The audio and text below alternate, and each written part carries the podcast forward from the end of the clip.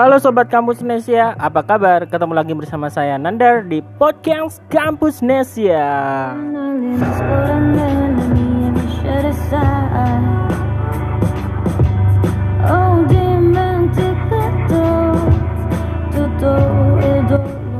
Teman-teman lagi dengerin original soundtrack yang berjudul Adrenaline dibawakan oleh Aalia. Saya nggak tahu bagaimana cara membacanya, tapi ini Italian version original soundtrack dari sebuah drama yang masih ongoing saat podcast ini saya rekam hingga episode 18. Uh, masih ada dua episode terakhir. Drama Korea ini diperankan oleh Son Joong Ki dan ada John Yoo Bin yang berjudul Vincenzo Casano. Ada juga Octayon, vokalis membernya 2PM ya, yang lagunya favorit saya Hands Up. Nanti kita putar di penutup podcast. Nah teman-teman, uh, bagi yang mungkin nggak nonton drama Korea Vincenzo, saya sarankan untuk nonton ya. drama ini menggantikan slot startup di TVN dan Netflix yang sangat populer di beberapa bulan terakhir uh, awal tahun 2021 ya. Nah, kalau di startup itu temanya tentang dunia bisnis, roman gitu, tentang startup. Di Vincenzo ini berkisah tentang uh, dunia mafia. Tapi disajikan dengan uh, apik karena dibumbui juga dengan komedi. Jadi jadi pas lah ya.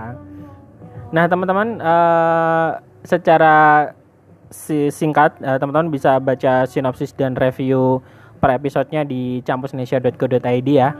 Terima kasih yang udah baca. Hari ini udah hampir 5 ribuan, hampir 6 ribu yang baca. Dan yang mau baca silahkan langsung aja ke campusnesia.co.id. Uh, eh, secara singkat, sinopsisnya drama Korea Fun Centro ini berkisah tentang Son Joong Ki yang lahir dan uh, tumbuh di Korea, lalu kemudian waktu kecil ditinggalkan ibunya di panti asuhan, diadopsi oleh keluarga Italia dan di di Italia dia tumbuh dan uh, berkembang menjadi seorang mafia, diadopsi oleh salah seorang mafia terkenal di Italia gitu. Ketika sang mafia ini uh, bapak angkatnya mati, dia akhirnya memutuskan untuk kembali ke Korea setelah berseteru dengan saudara angkatnya di Korea sebenarnya dia ingin berlibur aja gitu dan ada misi untuk uh, dia akan mengambil emasnya. Dia pernah menyimpan emas bersama dengan mafia dari Cina yang disimpan di sebuah bangunan di basement sebuah gedung yang bernama Gumga Plaza. Jadi awalnya sih sederhana konfliknya, tapi kemudian menjadi makin rumit ketika uh, ternyata gedung yang dimaksud itu uh, sedang dalam proses uh, dibeli dan dan mau dibangun sebuah menara dari korporasi bernama Grup Babel atau Babel ya bacanya ya Babel atau Babel gitu ya. Nah grup Babel ini dipimpin oleh uh, seorang yang bernama Jang Han Seok yang diperankan oleh Ok Taeyon dan adiknya yang bernama Han Seo ya. Jadi dua kakak beradik ini uh, memimpin sebuah grup tapi cara-caranya itu ya kartel abis gitu ya. Mereka berkorupsi berkolusi bernepotisme dengan berbagai bidang. Karena mereka dari swasta mereka berkolusi dengan media dengan penegak hukum dengan polisi dengan politikus gitu ya. Jadi rumit banget lah gitu dan konflik dengan Vincenzo ini ya awalnya hanya karena uh, ingin menguasai uh, gedung Gumga Plaza itu gitu tapi akhirnya jadi perseteruan sengit karena di Gumga Plaza ini uh, mayoritas penghuninya udah pindah tinggal beberapa orang saja yang tidak mau meninggalkan gedung karena merasa mereka berhak untuk tetap tinggal di situ gitu. Nah, akhirnya Vincenzo memutuskan untuk membantu mereka didampingin oleh seorang pengacara muda bernama uh, uh, Choyong yang diperan yang diperankan oleh uh, diperankan oleh John Yobin ya. Awalnya juga John uh, Chayong ini juga bagian dari sebuah firma hukum yang bernama Wusang yang menjadi uh, kroninya grup Babel juga. Tapi dia akhirnya sadar dan memutuskan untuk melawan balik grup Babel dengan kroni-kroninya karena setelah ayahnya itu dibunuh. Nah nah teman-teman drama ini sangat populer di Korea dan di Indonesia dan kayaknya juga di dunia ya uh, selain karena tayang di TVN dan jaringan internasional Netflix uh, dan menyajikan cerita yang menarik ya. Ada ada dua menurut saya kalau populer di Indonesia itu yang pertama karena jalan ceritanya yang merasa relate gitu ya. Jadi kadangkala di kehidupan nyata kita kan menemui nih hal-hal yang sifatnya kolusi, korupsi, nepotisme yang dilakukan oleh uh, kartel ya, persekongkolan, cara-cara mafia. Di di drama ini digambarkan kalau mereka itu yang tidak tersentuh hukum dihajar habis-habisan, diserang habis-habisan, dibalas oleh Vincenzo dengan cara-cara mafia juga. Jadi mafia melawan mafia gitu ya. ya itu mungkin orang itu puas banget ngelihatnya. Dan yang kedua uh, tentu saja mungkin karena uh, sebuah scan beberapa scan sebenarnya ya. Jadi drama ini disponsori oleh produk lokal. Tepatnya permen produksi dari Mayora yaitu Kopiko.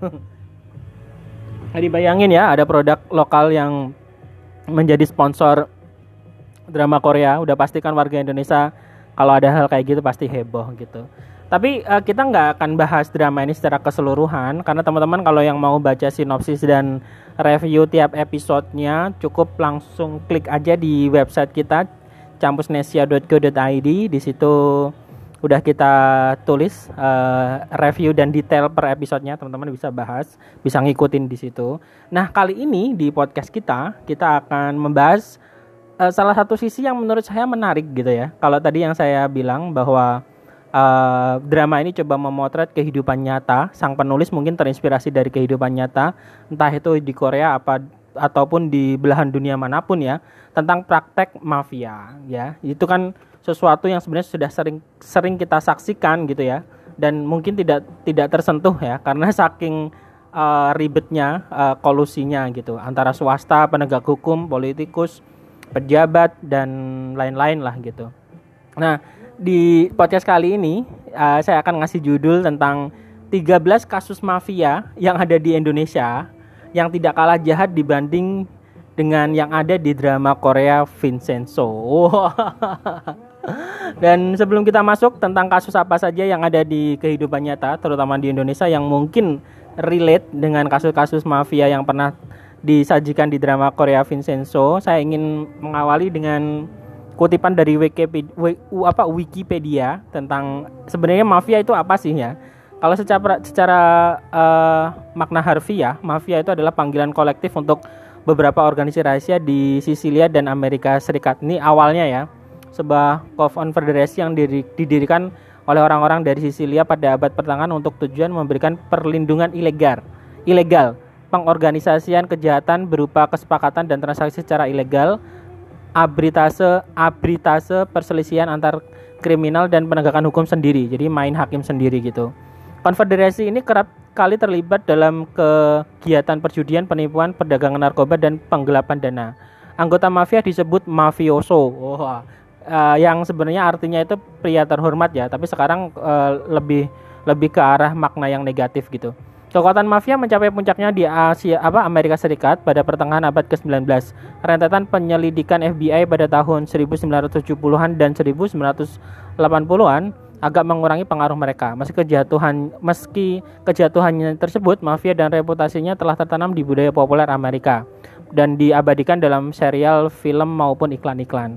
Istilah mafia kini telah melebar hingga merujuk kepada kelompok besar apa pun yang melakukan kejahatan terorganisir seperti mafia Ru Rusia, kalau di Jepang itu ada namanya Yakuza, kalau di China itu ada namanya Triad ya. Triad, Triad. Ini sering sering kita saksikan di beberapa film lah ya. Sadar atau tidak, cerita mafia yang dihadirkan dalam drama Vincenzo seperti yang saya katakan tadi itu merupakan refleksi gitu ya. Jadi teman-teman langsung aja uh, kita akan coba bahas singkat-singkat aja. Uh, ini yang yang kami temukan ya, yang saya temukan setidaknya ada 13 kasus mafia yang pernah terjadi di Indonesia yang cukup menyita perhatian publik. Apa aja? Mari kita simak.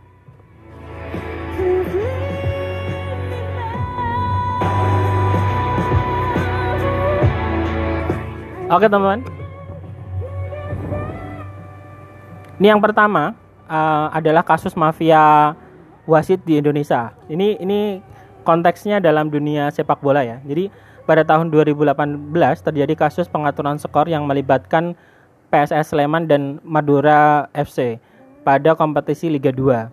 Seseorang yang bernama Joko Driono yang waktu itu menjabat sebagai P, P, PLT ketum PSSI, ketua umum PSSI saat itu ditetapkan sebagai tersangka ke-12 oleh Satgas Anti Mafia Bola. Jadi totalnya ada 12 tersangka waktu itu. Selain itu ada pula kasus mafia wafit eh, basit di Liga Indonesia tahun 1998 dan sebanyak 40 wasit Indonesia juga masuk gerbong terdakwa dalam kasus match fixing ya. Jadi beberapa di antaranya semacam uh, Khairul Agil, R Percaya, Halik Jiro terhitung sebagai fitur top. Sosok almarhum Jafar Umar yang bersatu sebagai wasit FIFA sejak lama disukan jadi godfather ma mafia wasit. Ia dipergunjingkan menerima upeti dari para pengadil dan bertugas di pentas kompetisi profesional dan amatir. Jadi kalau dalam dunia uh, yang dimaksud dari kasus yang pertama ini, kasus mafia, mafia wasit itu biasanya tentang pengaturan skor, kemudian apa namanya uh, pengundian jadi siapa uh, apa namanya uh, klub mana biar ketemu klub mana dan lain-lain gitu. Dan ini kalau dirunut itu sebenarnya uh, yang terlibat itu juga banyak banyak ini ya banyak kalangan. Bukan hanya mereka yang apa melibatkan football klub football klub uh, yang sedang bertanding dalam sebuah kompetisi tapi juga diduga itu nanti ada apa uh, perjudian ada taruhan gitu ya. Jadi mereka itu sampai berani seperti itu gitu. Itu nah ini sumbernya kita ambil dari bola.com. Teman-teman yang mau baca lebih lanjut bisa langsung menuju websitenya. Yang kedua teman-teman ini nggak kalah heboh ya dulu uh, zaman tahun 2011. Saya yakin kalau sosial media udah segila sekarang nih bakal dihajar habis-habisan oleh netizen ya. Jadi pada tahun 2011 itu ada sebuah ada sebuah kasus yang menghebohkan tentang mafia pajak yang tersangkanya bernama Gayus Tambunan. Salah satu yang bikin heboh, ini orang itu udah tertangkap, udah di penjara gitu ya. Tapi nggak tahu kenapa ini hubungannya nanti juga ada mafia di penjara atau lembaga pemasyarakatan. Jadi uh, sudah menjadi rahasia umum. Dulu itu ya nggak tahu ya, sekarang masih apa enggak. Tapi mereka yang punya uang itu bakal dapat fasilitas istimewa dari apa penjara gitu. Orang ini tuh statusnya sedang di penjara karena kasus uh, mafia pajak gitu ya tapi dia itu bisa keluar dari penjara bahkan menonton pertandingan pertandingan apa ya aku lupa. Pertandingan uh, tenis di Bali gitu ya. Dan si Gayus ini yang salah satu yang bikin heboh itu menggunakan wig gitu. Nah, ini dulu juga yang yang bikin apa namanya uh, sadar atau mengetahui itu uh, netizen juga. Jadi secara tidak sengaja terpotret oleh wartawan gitu.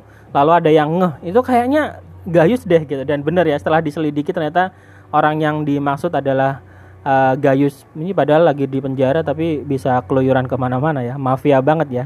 Jadi dia itu uh, terbukti bersalah menyalahgunakan wewenang dan melakukan suap. Uh, di antaranya saat menangani keberatan pajak PT Surya Alam Tunggal SAT sehingga merugikan negara sebesar 570,92 juta Kemudian terbukti turut serta memberikan uang kepada polisi senilai total 10 juta dolar Amerika. Uh, kemudian memberikan uang uang kepada hakim sebesar 40 ribu dolar AS saat perkara di Pengadilan Negeri Tangerang dan memberikan keterangan palsu soal uang senilai 28 miliar yang diduga berasal dari hasil korupsi. Oh gila sih, gila waktu itu ya, rame banget gitu. Kemudian kita beranjak ke kasus yang ketiga, kasus mafia hukum dan peradilan. Ini sebenarnya banyak banget ya teman-teman terkait tentang apa namanya eh, pengaturan vonis kemudian apa banding dan lain-lain penetapan hukuman dan lain-lain itu tapi di artikel apa di podcast kali ini saya akan mengutip dua kasus saja yang bikin heboh ya yang pertama itu yang akhirnya menjadikan ketua Mahkamah Konstitusi pada waktu itu akhirnya ditangkap oleh KPK. Ini terjadi pada 2 Oktober 2013 saat Ketua Mahkamah Konstitusi dipimpin oleh Akil Mokhtar. Dia terlibat suap dalam penanganan gugatan pilkada Kabupaten Gunung Mas, Kalimantan Tengah, dan Kabupaten Lebak, Banten. Uh, setelah menjalani proses persidangan di Pengadilan Tipikor, Akil Mokhtar difonis seumur hidup. Dia dinilai terbukti menerima uang lebih dari 57 miliar dan 500 ribu dolar Amerika selama menjadi hakim konstitusi. Setelah setelah menjalani proses persidangan di pengadilan tipikor, Akil, Akil Mokhtar difonis seumur hidup tadi ya, seorang hakim Mahkamah Konstitusi. Nah berikutnya ini ternyata bukan satu-satunya ya. E, setelahnya itu di tahun 2017 juga terjadi lagi nih. Nah, ini salah satu hakim yang bernama Patrialis Akbar pada tanggal 27 Januari 2017 juga difonis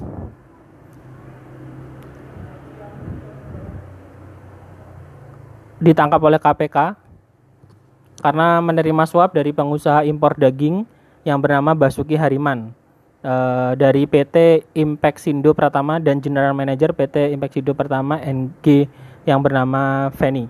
Melalui seorang perantara bernama Kamaludin, Patrialis terbukti menerima suap 10.000 dolar Amerika dan 4,43 juta untuk mempengaruhi putusan perkara nomor 127 PUU strip 12 garis miring 2015 terkait uji materi atas Undang-Undang Nomor 41 Tahun 2014 tentang peternakan dan kesehatan hewan yang diajukan ke MK.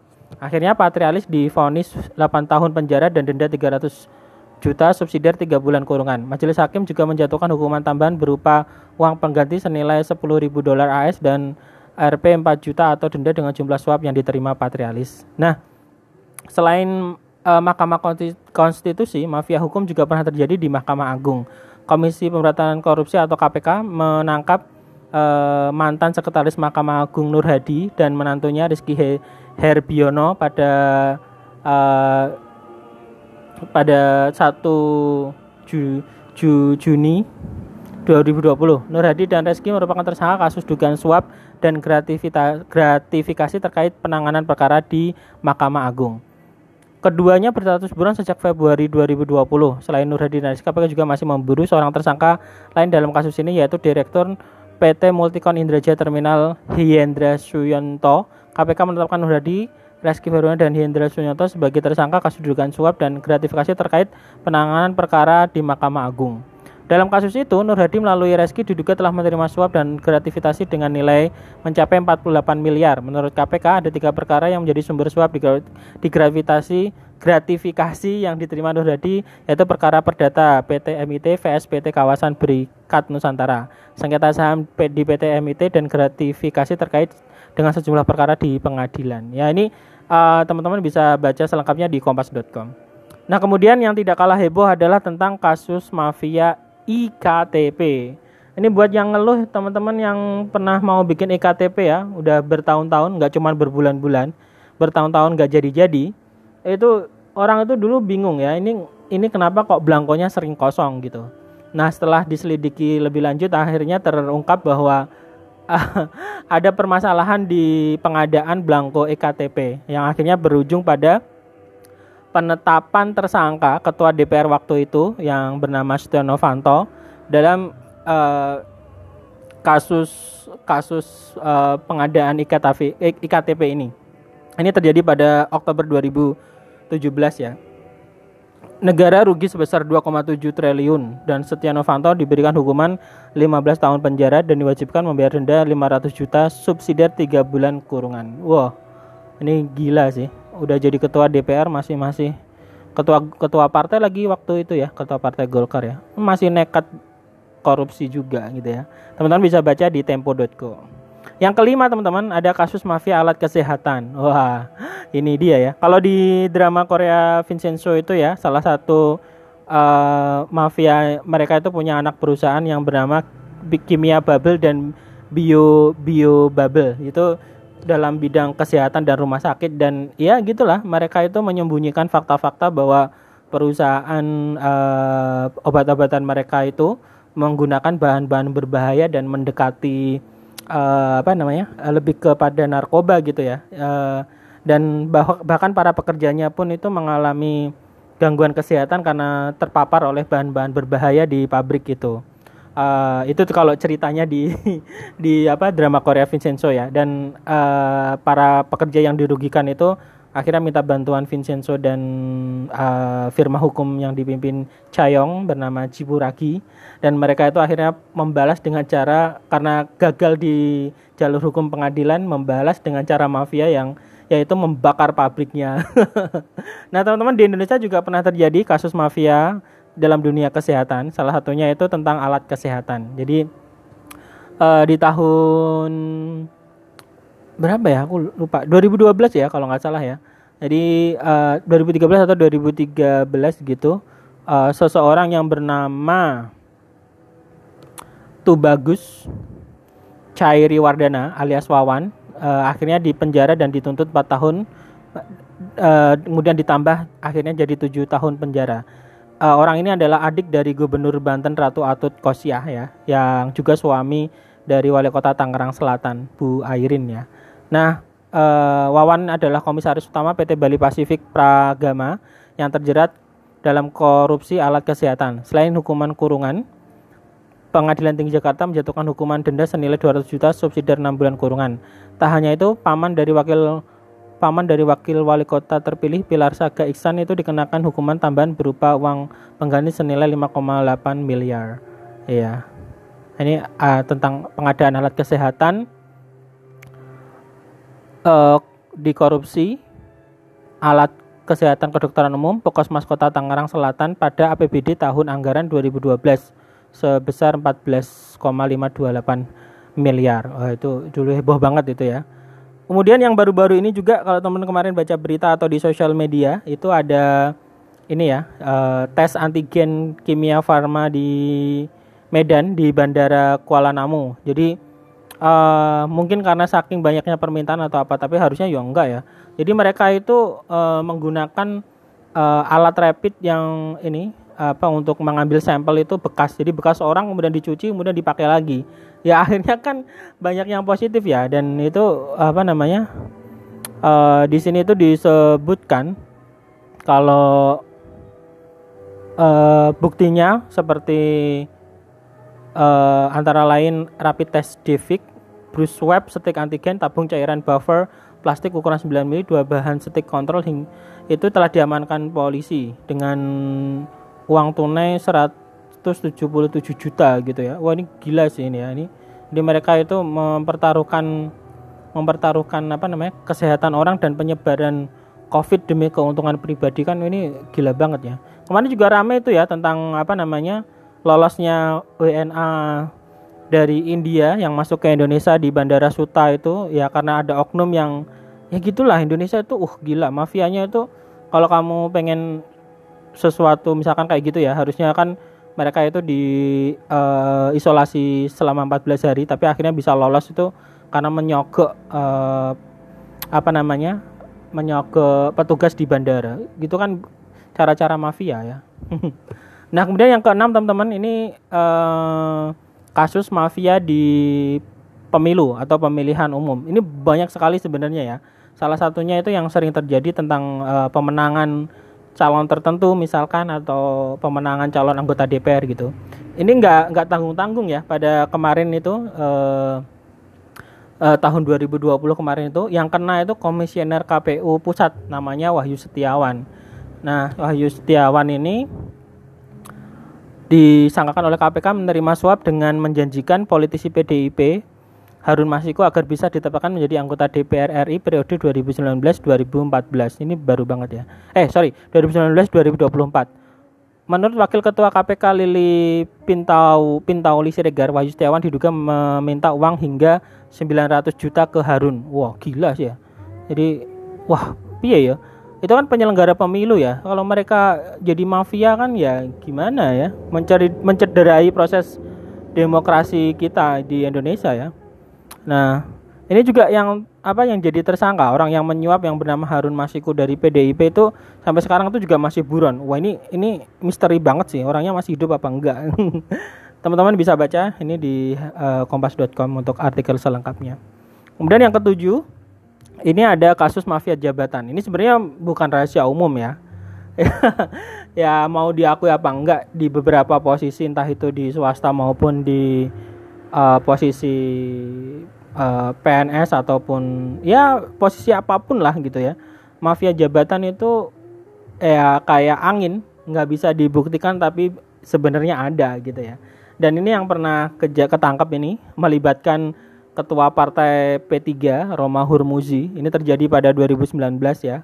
Ini kasusnya itu dia itu menjanjikan sebuah jabatan di Kementerian Agama dengan meminta apa memperdagangkan pengaruh lah ya. Karena kan dia bukan menteri atau pejabat juga dia cuma ketua partai yang yang punya perwakilan kader bahasanya gitu di pemerintahan waktu itu ya Pak Jokowi. Tapi menterinya selamat ya nggak sampai kena ya dia ditangkap tangan oleh KPK ya karena menjanjikan sebuah posisi di Kementerian uh, Agama waktu itu dan diduga uh, menerima suap uh, apa uang gitu. Waktu ditangkap KPK itu ada barang bukti sebesar 156 juta 758 ribu.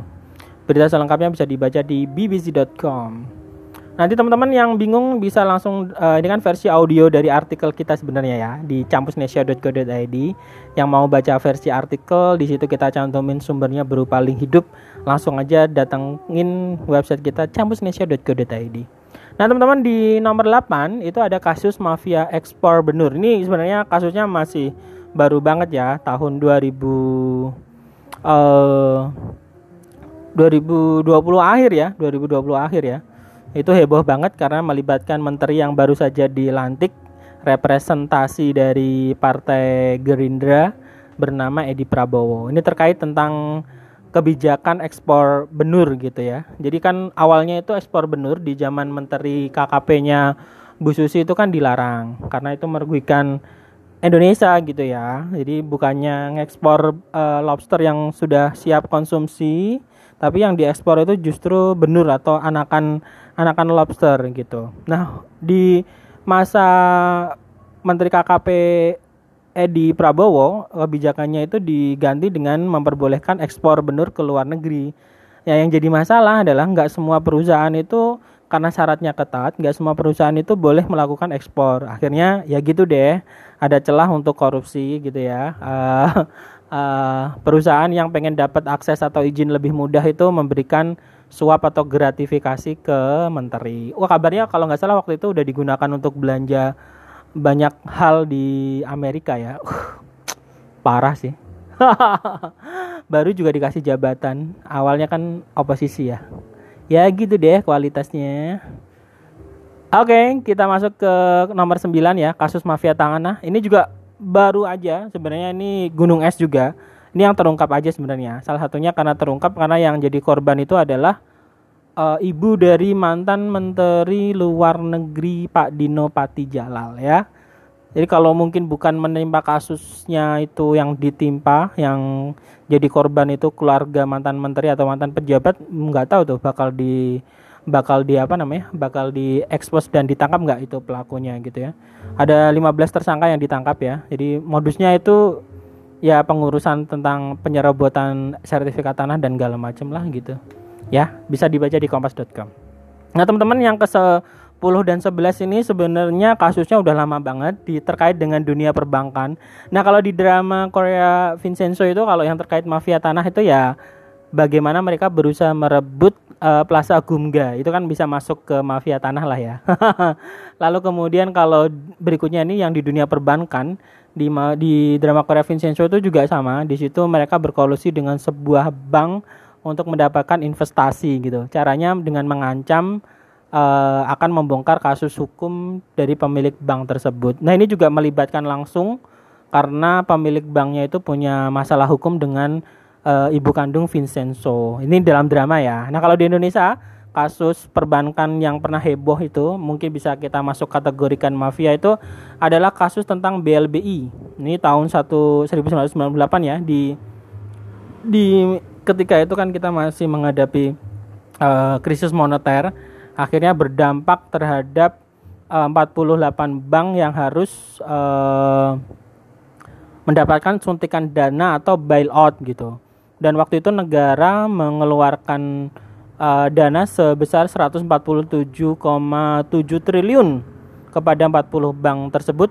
Bayangin ya, uang segitu di tahun 1998 itu kan gede banget ya gitu ya dan ada indikasi penyimpangan dana sebesar 138 triliun. Uh, gila ya. Jadi uh, banyak maksudnya itu uh, apa namanya?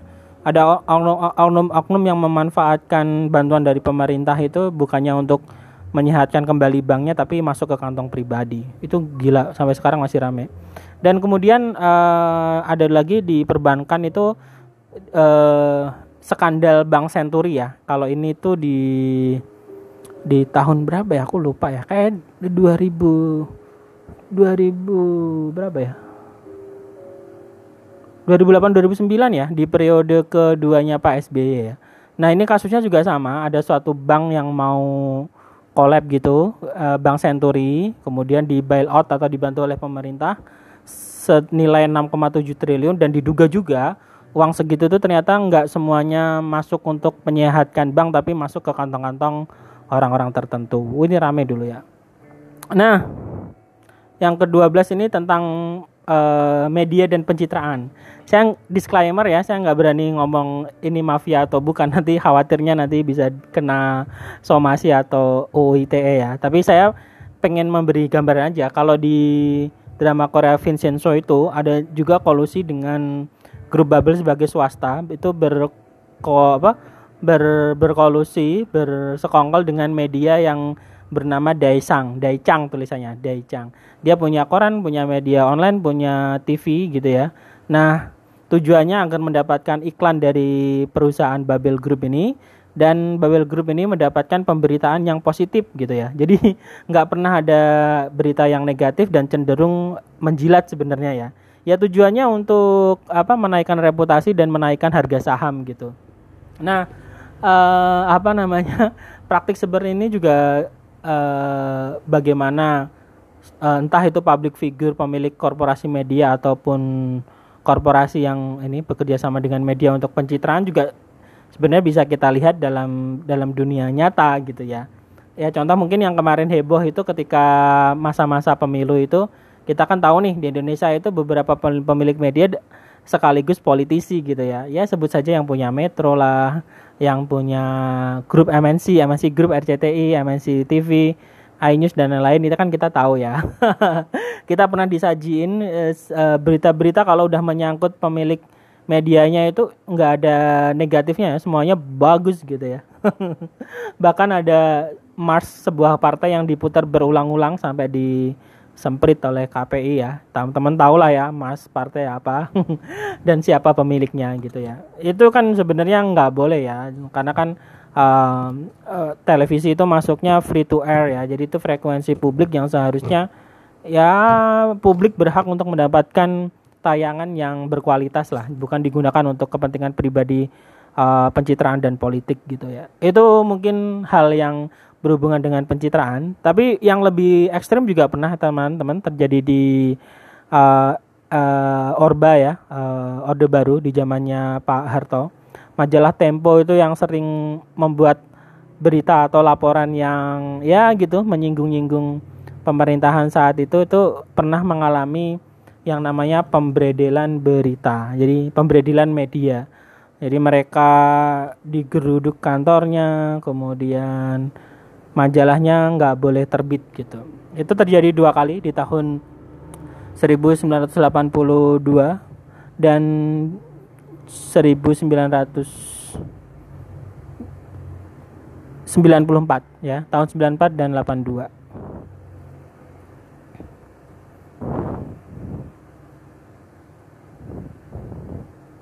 Ini bisa dibaca di banyak sumber ada Wikipedia dan lain-lain ya. Gitu.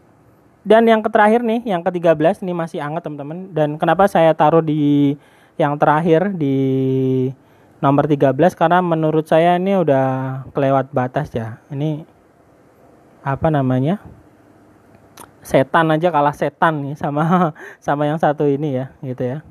Kenapa saya bilang seperti itu? Karena kasusnya adalah e, korupsi bantuan sosial di masa pandemi COVID-19 ya Nah, kasus ini akhirnya terungkap dan akhirnya eh, KPK menahan Menteri Sosial Juliari Peter Batubara dari PDIP yang kemudian terbukti eh, melakukan korupsi eh, untuk paket sembako dari Kementerian Kementerian Sosial tahun 2020 nilainya proyeknya itu sekitar 5,9 triliun ya.